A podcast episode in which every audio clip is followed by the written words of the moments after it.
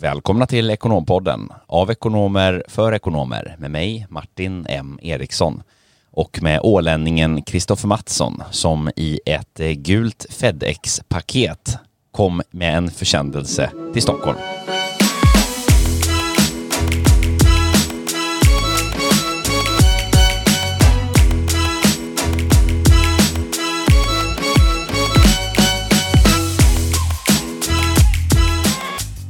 Tervetuloa Ekonomin poddilainen. Det var ju så, det var så det stod på paketet eller? Exakt, som aldrig kom fram. Ja, på tal om att inte komma fram nu, vi pratar ju om lite ilska här eh, kring de här hantverkarna. Eh, och nu är det inte hantverkarna jag är arg på, men nu är det köket, eller badrummet börjar bli klart. Min, min, det är ju fullt upp med renovering hemma eh, och det har varit kaos här i några veckor och, och men kaklet och allting är på plats i badrummet. Eh, och nu då när vi egentligen ska eh, ja, inträda slutförandefasen eh, och skruva på alla badrums, eller badrumsinredningarna, då har den, eh, då har den levererats men inte, eh, inte mm, kommit då till utlämningsstället och leverantören hävdar att det är skickat eh, men ingen vet var prylarna är. Nej, det låter ju som att det är lite stopp i produktionen här. Lite dikeskörning. Ja, ah, fy, fy, fy fan. Ja, jag Och så är det måndag också tänkte jag säga. Vi spelar ju in här i en måndag idag och måndagar tycker jag alltid är ja, lite, extra, lite extra kämpiga. Ja, det är, det, du har ju lite måndagsutmaningar. Ja, eh, men då får man göra saker som eh, man blir på glatt humör av och jag brukar ju försöka sticka iväg och, och träna. Det, det, det är bra, eh, bra sån här ja, medel för att få lite energi. Och sitta i Ekonompodden-studion. Ja, verkligen. Det är liksom... Kan man ha en bättre måndag egentligen? Det är frågan. Ja. Eh, du då Martin, du var ju i Rom senast när vi, när vi stötte på varandra i podden. Ja, och apropå saker som inte kommer fram så gäller ju det ju då eh, alla mina eh, vykort som jag skickade. Så att eh, ni som lyssnar på det här och eh, förväntade er att eh, jag skulle hälsa från Rom så gjorde jag faktiskt det. Men tyvärr så har de här inte kommit fram.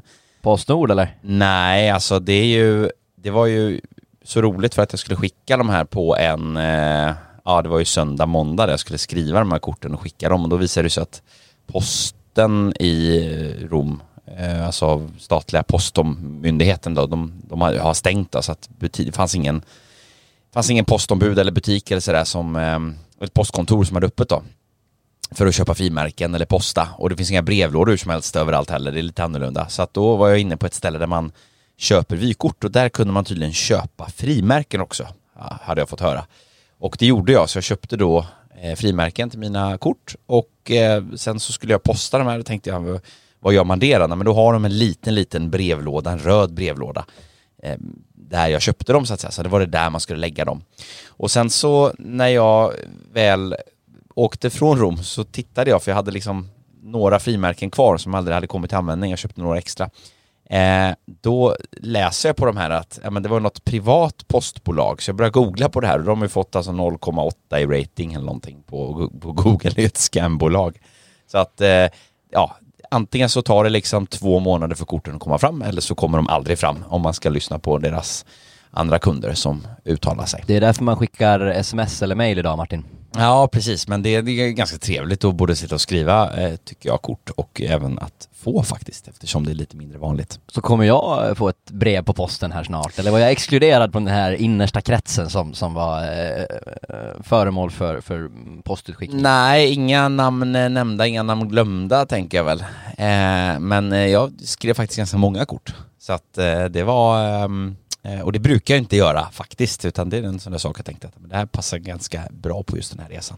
Men men, vi får väl se. Det är, eh, än så länge har ingen fått någonting. Så att eh, det, det är inte alls säkert att det, att det dyker upp någonting överhuvudtaget. Och inkommande vecka bär det av till Marbella om jag har förstått det hela rätt. Eh, du eh, kör jorden runt här nu de här eh, novemberdagarna. Ja, precis. Det är ju eh, Joel där har ju, eh, en av mina bästa vänner har ju flyttat ner eh, så att jag ska hälsa på honom och tajmar det väldigt bra då över min födelsedag. Så att vi får väl se här vad, vad, eh, vad Marbella har att bjuda på. Jag har aldrig varit där, men det är ju väldigt, väldigt uppskattat och omtalat av många resenärer som eh, är där och jag har ju som sagt inte varit där så det ska bli väldigt, väldigt kul att se vad jag själv tycker. Ja men eh, den är väldigt härlig där, Costa del Sol, eh, Solkusten längs eh, ja, Malaga ner till Gibraltar egentligen. Mm. Ja, du har ju varit där lite grann. Jag har varit där eh, en del, eh, jag menar haft förmånen att ha bekanta som har lägenheter och, och, och sådär eh, och sen har det blivit ett återkommande eh, resmål egentligen där under, eh, under sensommaren, början av hösten. Eh, sen kan väl jag tycka att som Malaga, eller vad säger Marbella är jättetrevlig liksom där, Gamla stan och det, men, men lite väl överhypat kanske eh, man skulle kunna säga ändå. Ja, det är ju lite det som jag har hört också, så att det ska bli väldigt eh, kul att se vad jag tycker. Men vet du vad som är, eh, där det händer grejer och där det är riktigt, riktigt schysst eh, i november?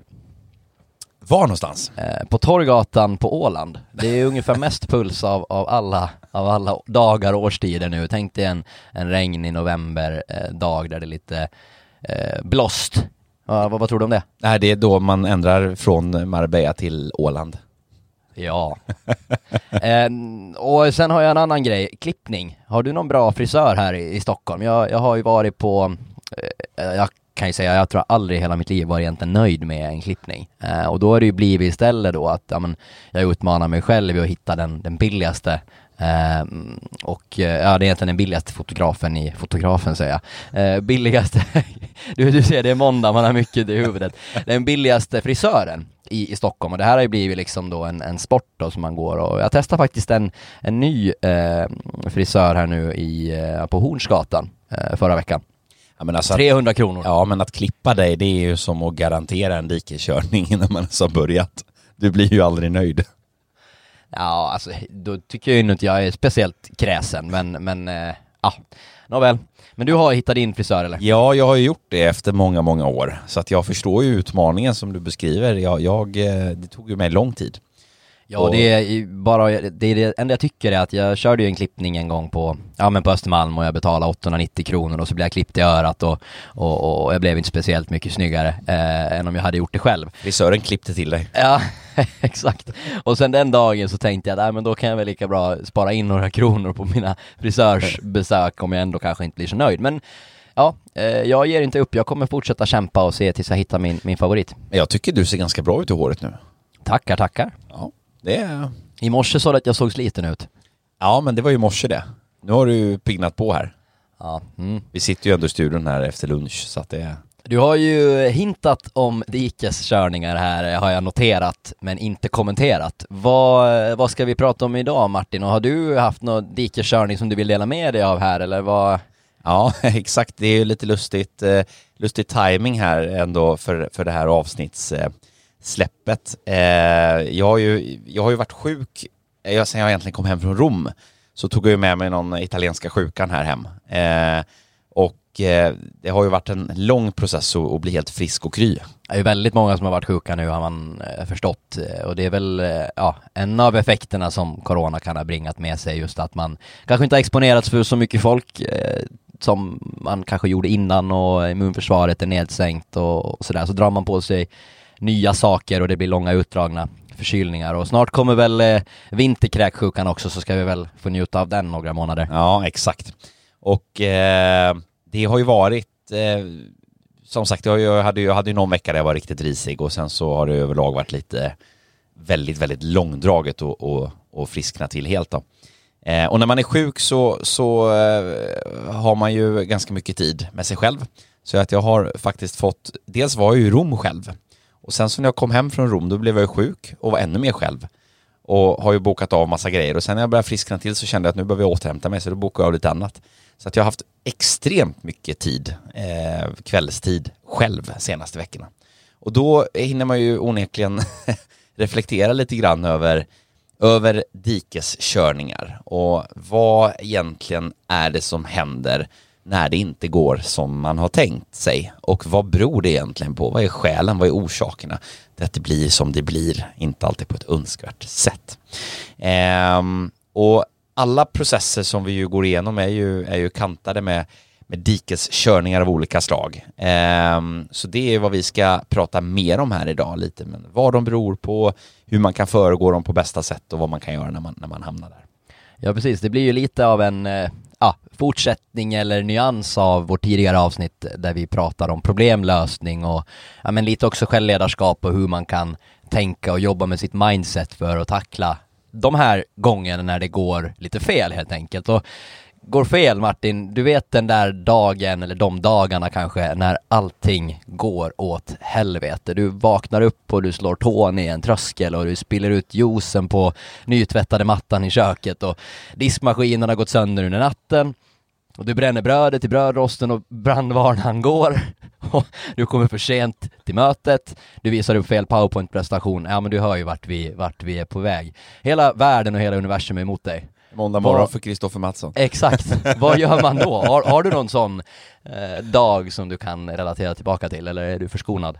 Nej, men det, det har väl alla. Eh, absolut. Och eh, det, det går ju minst sagt eh, i vissa perioder kanske när man är lite mer, när man är lite mer stressad så är det väl synonymt med att man kanske upplever lite mer eh, situationer på det sättet egentligen. Så ska vi då här idag försöka bena ut och ge lite nycklar för hur man kan tänka då för att eh, kanske undvika att tänka och tro att ja men hela världen kanske inte är emot mig. Nej, trots att man kanske tror det. Så är den inte det. Och vad är egentligen världen?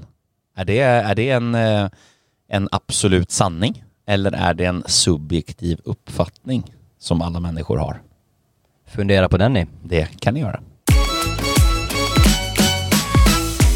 Du har ju lite olika takes på det här med dikeskörningar och, och tänkte försöka prata lite om ja, men, vanor, rädslor eh, och även hur vi personer är olika liksom och, och kan hantera eh, och bör hantera de här på kanske lite olika, olika sätt.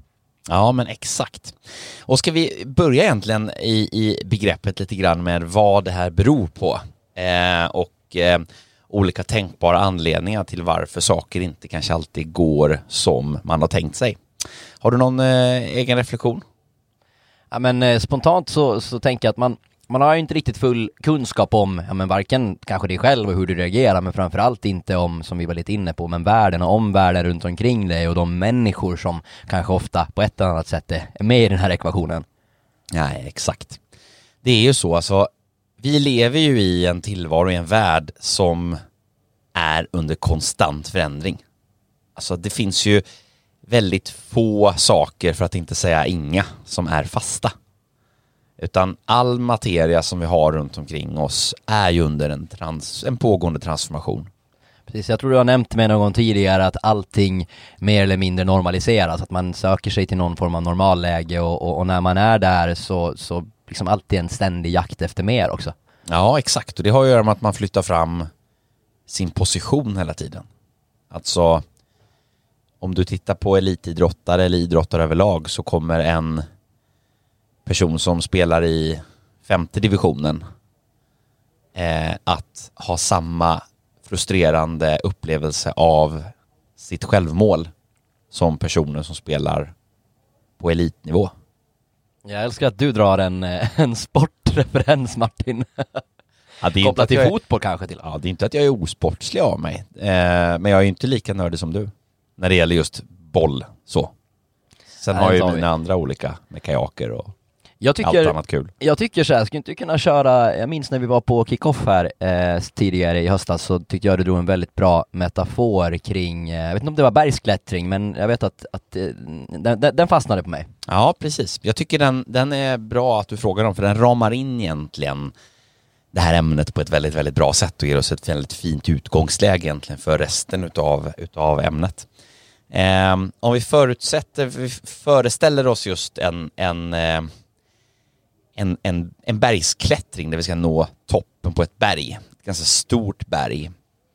Det är en fin solig dag. Det är alltså ett högre berg än Ålands högsta topp på 125 meter. Ja, det är, det är lite högre, precis. Ehm, och det är liksom ingen förutstakad väg vi ska gå, utan vi ska hitta den här vägen själva. Det är en fin solig dag, solen skiner ehm, och vi ser, vi ser bergstoppen eh, tydligt. Och så påbörjar vi den här resan. Och under den här tiden när vi når så kommer vi liksom komma till ett antal ställen med utmaningar. Det kommer vara stora, stora, stora bergsskrev som vi inte riktigt vet hur vi ska ta oss över. Vi kanske rent av måste klättra ner i något skrev för att ha liksom förutsättningar att kunna ta oss upp på andra sidan. Eh, vi kommer komma till andra, eh, andra hinder under den, här, under den här klättringens gång. Där det händer saker och uppstår situationer som egentligen gör att vi behöver ta oss förbi vissa utmaningar. Och tittar vi det här bergsskrevet till exempel så, så kan man ju normalt sett först och främst om vi ska prata bergsklättring så kan vi säga så här att ja men ju högre upp vi kommer desto coolare blir utsikten. Alltså ju, ju längre på den här klättringsresan vi kommer desto coolare blir utsikten. Vi ser mer och mer. Men, men det är ju också ett faktum att eh, vi kommer komma till en viss punkt där vi ska förbi ett hinder som är kanske ganska komplext, farligt och svårt och där vi behöver klä, kanske klättra ner den här bergsskrevan, vi kanske redan trilla ner i en skreva. Eh, och där är det jävligt mörkt och djupt och ensamt och kalt och solstrålarna når ju absolut inte in där och man ser definitivt ingen fin utsikt därifrån. Lite som mina måndagar alltså? Lite som dina måndagar. Det är en bra parallell också. Så att det liksom blir någonstans principen, i grundregeln i det här, att förstå det faktumet att ska du ut på en resa där du ska uppnå någonting, ett visst mål, som är förenat med någon form av ansträngning, prestation, insats, eh, så kommer den resan vara kantad med problem och dikeskörningar. Det är fakta, det är så det ser ut. Att ju högre spel vi spelar, desto, desto fler dikeskörningar är det synonymt med och det är en naturlig del av processen. Ja, ungefär så du beskrev det senast och jag tycker eh, men det var väldigt bra just att eh, visualisera det framför sig och sådär. Men det kommer alltid komma toppar och dalar och någonstans Ja, det är ju svårt kanske att simulera vart man ska men ändå ha det med sig i, i ryggsäcken när man, när, man när, när det går fel helt enkelt. Och den här, eh, precis, och den här, den här eh, alltså metaforen som, som vi beskriver, den, den ger ju några ytterligare då aspekter som man kan ta med sig. Den första är ju, är ju att vägen kanske inte alltid blir som du har tänkt dig. För du står och ser en väg framför dig, du står och tittar upp på den där bergstoppen, du ser ju berget på ett visst sätt utifrån den positionen där du står. Sen allt eftersom den här resan fortskrider så kommer du ju komma till nya punkter på berget därifrån du ser andra saker. Och då behöver vi kalibrera om och tänka om för att du får nya insikter. Och samma sak är det ju i, i våra i våra yrkesliv eller liv i övrigt också, att, att vi, vi, vi, vi får till oss nytt i takt med att vi kommer längre som påverkar och gör att vi behöver omdefiniera, omvärdera och ompröva och, och tänka om och göra annorlunda. Ehm, och tittar vi då på de två stora pusselbitarna som jag tänkte vi ska gå in på idag, ämnesförgreningarna på det här, så är det ena vanor och det andra är rädslor. Om vi börjar med vanor så är det ju det faktumet att vi är ju vanedjur. Vi är vana att göra. Vi funkar ju bäst i, i, i ett vanemönster. Vi tar ju massa beslut och handlingar som vi skriver till varje, varje dag. Eh, hundratals, tusentals per dag. Inte hundratusentals kanske, men alltså extremt många. Det beror på hur många bollar man har i luften. Ja, exakt. Och poängen bygger på att det är programmerade vanor. Eh, och de kan ju vara till vår fördel och ibland till vår nackdel. Vi ska komma in på det senare. Det andra är ju rädslor. Eh, som, som kan hindra oss otroligt mycket ibland. Eh, därför att rädslor är ju saker som paralyserar oss och får oss att spänna oss och inte kanske prestera optimalt alla gånger. Eh, och vad är egentligen en rädsla? Och hur kommer det sig att vissa människor är rädda för saker och andra inte är det? Det ska vi också hoppa in lite på idag. Jättebra Martin, bra introduktion här och, och, innan vi går in då på vanor och, och, och rädslor och pratar mer om det så tänkte jag, när då vill den här dikeskörningen ha uppstått, när du har kört i diket helt enkelt och eh, vad, hur, hur, hanterar man det här? Vad, vad är approachen när man väl eh, ligger i gräs, i, i, vid, vid sidan av vägen tänkte jag säga. när man har kört ner. Ja, men eh, utöver det, det som vi var inne på just det, alltså faktumet i förhållningssättet att, att jobba med insikt, förståelse, acceptans i att det faktiskt, att det, att det faktiskt sker. Eh, så är det ju viktigt att ha med sig just det här i bakhuvudet att eh, dels att, att vi alla är, är olika och kommer hantera och uppleva dikeskörning utifrån vår egen referensram. Alltså, ju mer erfarenhet du generellt sett har, ju mer utmaningar och problem du har upplevt, desto mindre kommer du uppleva att de är allvarliga så att säga, så de kommer liksom minska i, i storlek och omfattning. Att om du första gången upplever ett, en viss händelse eh, så kommer du tycka att det är problematiskt i en viss storleksordning. När du väl har vant dig vid det där och, och hanterat det där förut så kommer du liksom inte längre tycka att det är ett problem. Så att, så att det är väl liksom dels en insikt att förstå att ja, men det här händer just nu och, och det här kommer jag lära mig någonting av. Och nästa gång det händer så kommer jag föregå det bättre men jag kommer också ha en annan referensram till det. Eh, sen är det ju det här med att, att komma ihåg att inte låta dem definiera oss eller vårt egenvärde. Alltså det faktumet att vi kör i diket och att det inte går som vi har tänkt oss har en del, en del förklaringar men det är ju inte synonymt med att vi är i diket. Men det kanske blir ut, mer utmanande om man faktiskt har gjort bort sig själv. Alltså, ibland kan det ju vara andra yttre faktorer som kanske har påverkat det mer eller mindre. Eh, när saker bara händer eh, av sin natur. Men om du liksom faktiskt har, men du har missat att göra det här eller du har, du har gjort bort det liksom. Ja, så är det. Och samtidigt är vi ju inte mer än, än människor som gör fel. Eh, och det viktigaste i, i sammanhanget är ju att man lär sig någonting av, av erfarenheten. Alltså, det var ju någon som sa, jag tror det var, det kan ha varit Albert Einstein eller någon som sa så här att eh, det första tecknet på idioti det är att göra om samma misstag om och om igen men upp, uppvänta sig ett annat resultat. Så du, ja visst, det, det gick åt helvete, men vad kan jag faktiskt ta med mig, ta med mig från det här?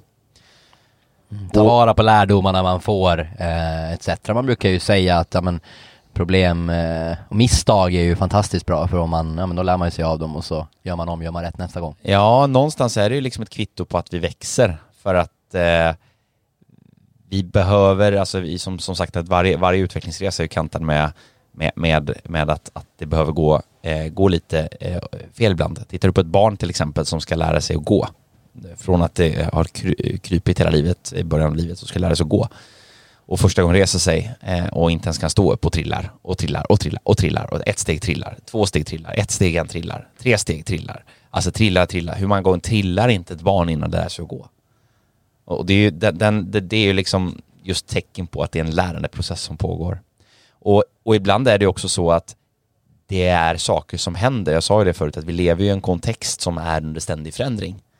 Så att det kan ju också vara faktorer utifrån som, som har en viss påverkan och det viktiga är ju inte alltid vad som händer utan det är ju förhållningssättet till det som händer, att se lärdomarna i det. Spontant så kan jag ju bara tänka att det säkert är ännu mer utmanande för, för vissa typer av ja, men, personer som har kanske karaktärsbeteendedrag. Vi har ju pratat lite om det tidigare, om ja, men vilken kanske grundinställning man har till, till livet eller naturen eller människor i, i stort. Och, eh, jag minns inte exakt våra skalor där, men jag personligen är ju ganska, eh, men ganska eh, min grundsyn är ganska positiv. Jag tror att alla människor vill väl och, och sådär. Eh, men det finns ju också de som kanske, ja, lite mer eh, jag ska inte säga, man, ska inte, man får inte säga pessimister, men som man har en lite mer negativ eh, eh inställning, om man får uttrycka det så. Då kanske det blir ännu kämpigare att liksom mot, föregå det. Ja, eh, absolut, visst är det så. Och, och det är ju liksom en, en full, fullt ut psykologisk aspekt i det där med ens förhållningssätt och hur man, hur man förhåller sig till det. Och det är ju som du säger att där är, ju all, där är vi ju faktiskt alla väldigt, väldigt olika. Eh, vad, vad vi har för förhållningssätt och det man kan konstatera bara är ju att det finns ju ett otroligt enormt stort värde i att träna på det här förhållningssättet. Oavsett ditt ingångsvärde i det. Eh, som du har, återigen så är det här alltid subjektivt, det vill säga att du, du är van vid att se det på ett visst sätt och jag är van vid att se det på ett visst sätt. Om jag gör en 20% förbättring, om du gör en 20% förbättring, så är det ju fantastiskt för oss båda på ett individuellt plan att vi har liksom gjort någon form av förbättring i det. Så att, att, att, att förhålla sig till det, att, att träna på förhållningssättet. Eh, och det, det, det finns extremt mycket värden i att, att vinna på det. Grymt. På tal om vanor, eh, jag vet att jag hittade på något, något spännande förut. Jag körde, det var någon kompis som sa till mig att men om du vill ha stora vad, vadmuskler så ska du göra sådana här tå upplyft varje gång eh, du står i duschen eller medan du borstar tänderna och sådär. Jag höll väl på med det i några dagar, sen tröttnade jag. Eh, och då började jag tänka på dig, du, jag vet att du har nämnt någon gång att du läste en väldigt spännande bok eh, som gav dig väldigt mycket inspiration och, och då hade du också någon sån här armhävningscompetition för dig. Ja, exakt. Det var ju det, det var en bok jag läste som, som ehm, eh, heter Atomic Habits eh, som kom 2018 tror jag det var, eh, den kom eh, då och sen så släpptes den i Sverige här nu ganska nyligen. Eh, då släpptes en bok som hette eh, 1%-metoden. Eh, och den började ju alla prata om här i Sverige, 1%-metoden var extremt bra bok. Sen, vilken, vilken bok är det här? Ja, för, eh, den känner inte jag igen överhuvudtaget. Och då läste jag ju att eh, det var ju samma, alltså James Clear då, som hade skrivit den här. Då, då trillade polletten ner att det var ju en svensk eh, mindre bra översättning eh, av Atomic Habits, eh, som, som då boken hette. Och det som den handlar om, den handlar just om, om det här som vi lite tangerade och var inne på tidigare, just om att vi i grunden är vanedjur. Vi människor som, som agerar och fungerar enligt ett visst inprogrammerat förhållningssätt som baseras på vad vi är vana vid. Och de här vanorna kan ju vara å ena sidan otroligt stödjande, som positiva vanor som, som eh, gör att vi agerar och, och utför handlingar som genererar positiva resultat kontra dåliga vanor som leder till att vi, vi eh, utför handlingar som eh, har fått dålig impact och dålig konsekvens. Jag tänker ju på det här med att ta en, en kvällsmacka till exempel, det är bara psykologisk hunger och jag utmanade där eh, tidigare när jag höll på, ja, men jag var lite träningsfixerad och, och, skulle liksom hitta på olika typer av periodisk fasta och sådär. Eh, och då jobbade jag ganska mycket med det att ja, men de första dagarna eh, var det helt fruktansvärt jobbigt att gå och lägga sig hungrig. Det kändes som att man hade en mask som åt upp magen inifrån så hungrig man var. Efter två, tre dagar så hade man ingen hunger överhuvudtaget egentligen. Eh, och samma sak det här med liksom när äter man frukost på morgonen, när äter man lunch? Men om jag alltid brukar äta lunch klockan eh, klockan 12 till exempel, ja men då, då är man hungrig klockan 12. Ja men exakt. Och, och precis det där, exakt det där du beskriver nu eh, var det då jag testade eh, med den här armhävnings, eh, armhävnings eh, competition som jag hade, eller competition. Jag skulle egentligen testa och se om, om metoderna för vaneinstallation och vaneförändring, om de fungerade. För vad den här boken då, Atomic Habits, eller 1%-metoden då, som James Clear har skrivit, vad den boken egentligen handlar om, eh, handlar just om, om hur du kan installera nya vanor och hur du kan få beteenden att bli till vanor. Om du väl, vill välja ett beteende eller välja bort ett beteende och hur kan du få det enskilda beteendet att bli en vana och hur kan du bryta dåliga vanor?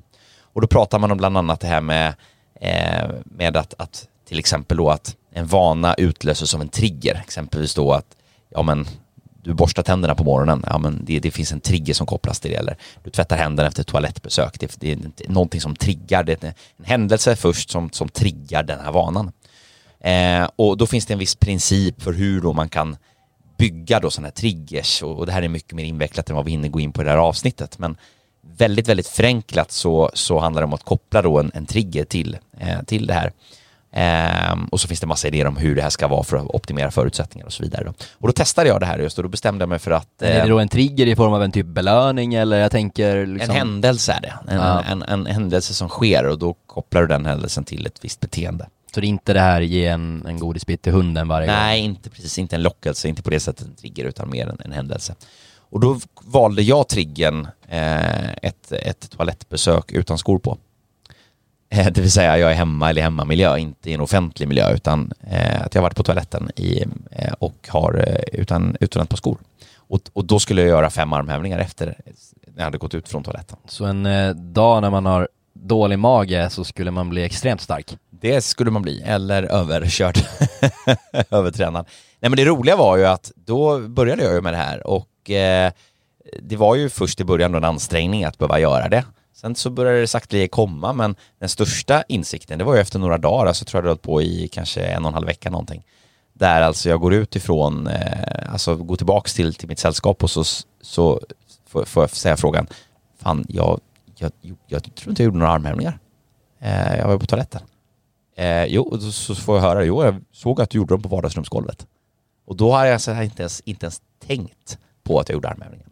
Lika lite som du kan komma ihåg att du tvättade händerna Eller komma ihåg att du låste dörren när du gick hemifrån. Eller komma ihåg att du eh, borstade tänderna på morgonen. Samma installation hade jag gjort med den här armhävningsvanan. Otroligt häftigt. Och tittar man då på den principen, när man förstår kraften i vanorna, då förstår man också kraften i varför det ibland kan bli dikeskörningar. Därför att vi har vanor som inte stödjer det, den beteendeförändring vi vill göra. Vi bestämmer oss för att vi ska börja gå upp tidigare på morgnarna och gå och träna till gymmet. Men vi har så extremt många vanor som, som, som präglar då beteendet och, och, och som helt enkelt ligger i konflikt. Och det är det som gör, när man tittar på just vanor, hur man kan förändra och utveckla vanor, så, så är det en, liksom en tangering på det här ämnet med dikeskörningar. Att börjar man titta på hur man kan tina upp och frysa upp, eh, frysa upp vanor och installera nya vanor, hur det kan stödja eh, minskad risk för dikeskörningar och, och hålla sig på vägen. Mm, intressant. Eh, och om man då är, eh, vi pratade rädslor tidigare och det är ju det vi ska komma in på härnäst då. Så om man då kommer in i, i det här vanemönstret och man gör de här arm, armhävningarna efter varje toabesök utan skor på. Men man är rädd för att ja, men jag kommer bli för stark eller någonting sådant. Eh, vad, vad, eh, hur tänker man då? Ja, Nej, men precis. Om vi hoppar in där på, på, på rädslor då, som, som är den andra tangeringen på det här ämnet som vi vill göra idag. Så det är också en intressant, eh, en intressant tankevurpa. Har du, har du någon själv eh, någon tanke där då? Ah, apropå det, vi ställde ju frågan här förut. Eh, vad är det som gör att vissa människor är rädda, andra inte är det? Nej, man är ju rädd för att misslyckas, man är rädd för att någon ska kanske döma dig. Det finns ju massa olika anledningar till, till rädsla. Ja, men varför är du rädd eller inte rädd då, till skillnad från någon annan? Ja, det är väl en bra fråga. Jag, spontant tänker jag väl att vi är olika. Och vad, ja, vad beror det på då? Ja, exakt. Vi är olika.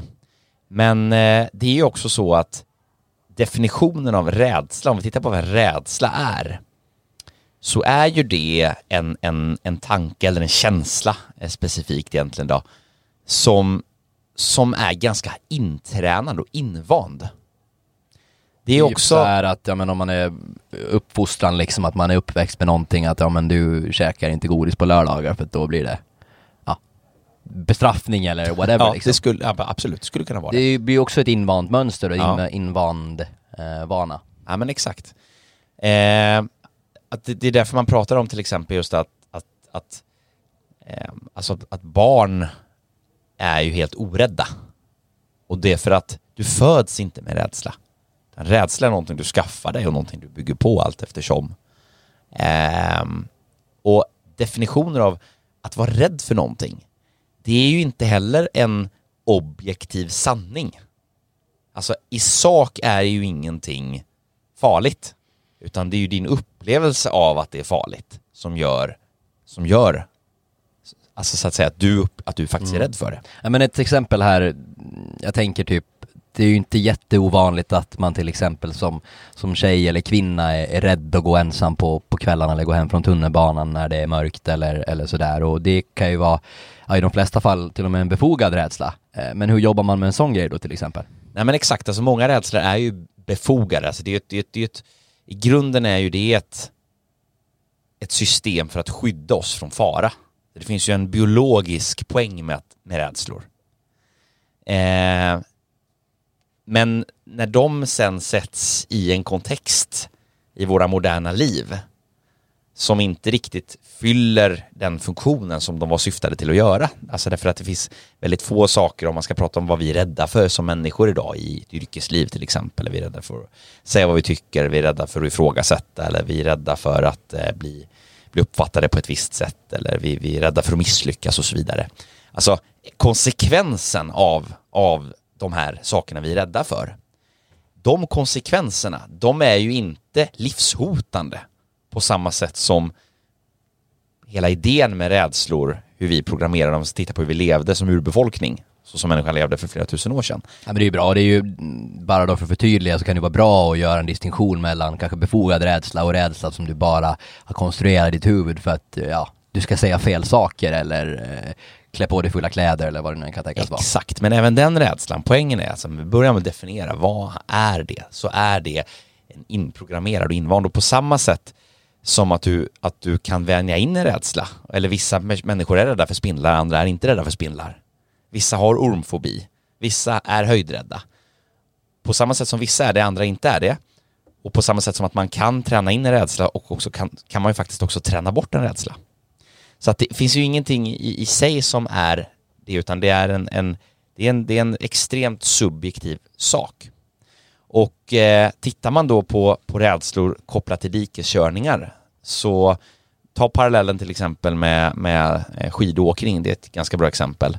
Eh, att, att ge sig ut i ett, i ett parti i backen som, man, som ligger utanför ens komfortzon. Man är, inte, man är inte trygg i just den åkningen. Man tar ett steg till, man pushar sig själv. Och så fort rädslan kickar in, det är då man också trillar.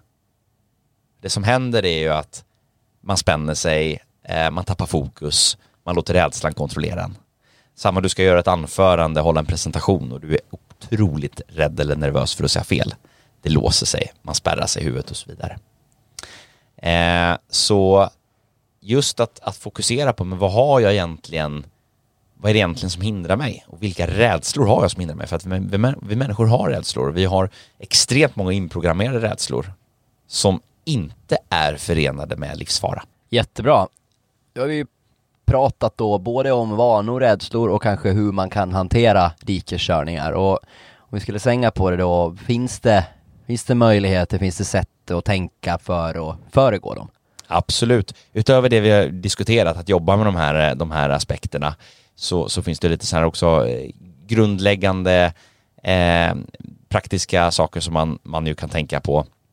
Det ena är ju liksom att tydligt ha en, definierad målbild och veta vad man relaterar till. Eh, alltså att man är, om det handlar om ett samarbete i ett projekt med någon eller om det är att göra det själv så, så ha en, en tydligt definierad idé om, om vad faktiskt målbilden är och eh, vart man ska och eh, definiera riskerna mot den målbilden. Alltså det är också ett, ett intressant perspektiv att ha ett risk, ta på sig ett riskperspektiv ibland och fundera på men vad finns det faktiskt för risker under den här resan eh, och proaktivt kunna föregå, hantera eller planera dem. Eh, och sen också att ta in kunskap från andra personer som man ju har ett, ett förtroende för i, i, alla de tänkbara frågorna. Eh, att veta liksom att, ja, men, vilka tar du råd av?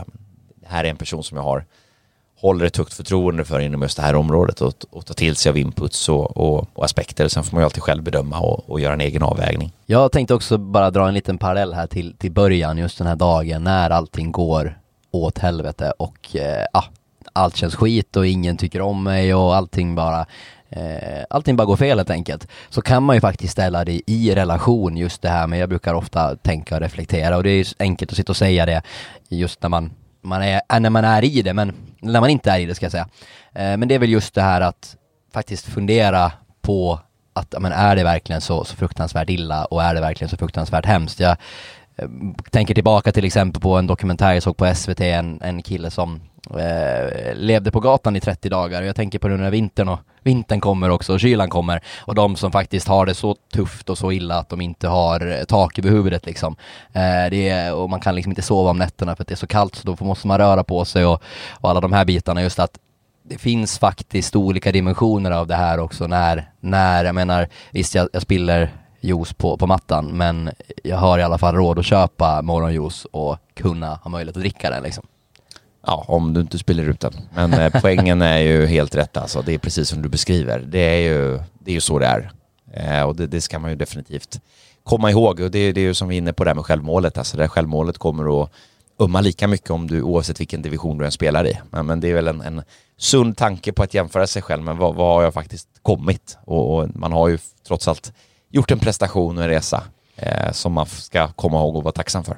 Ja, då kan man ju få en liten distans och liksom just det här med vad, vad är världsliga problem och, och vad är ilandsproblem och vad liksom, vad behöver jag faktiskt jobba med?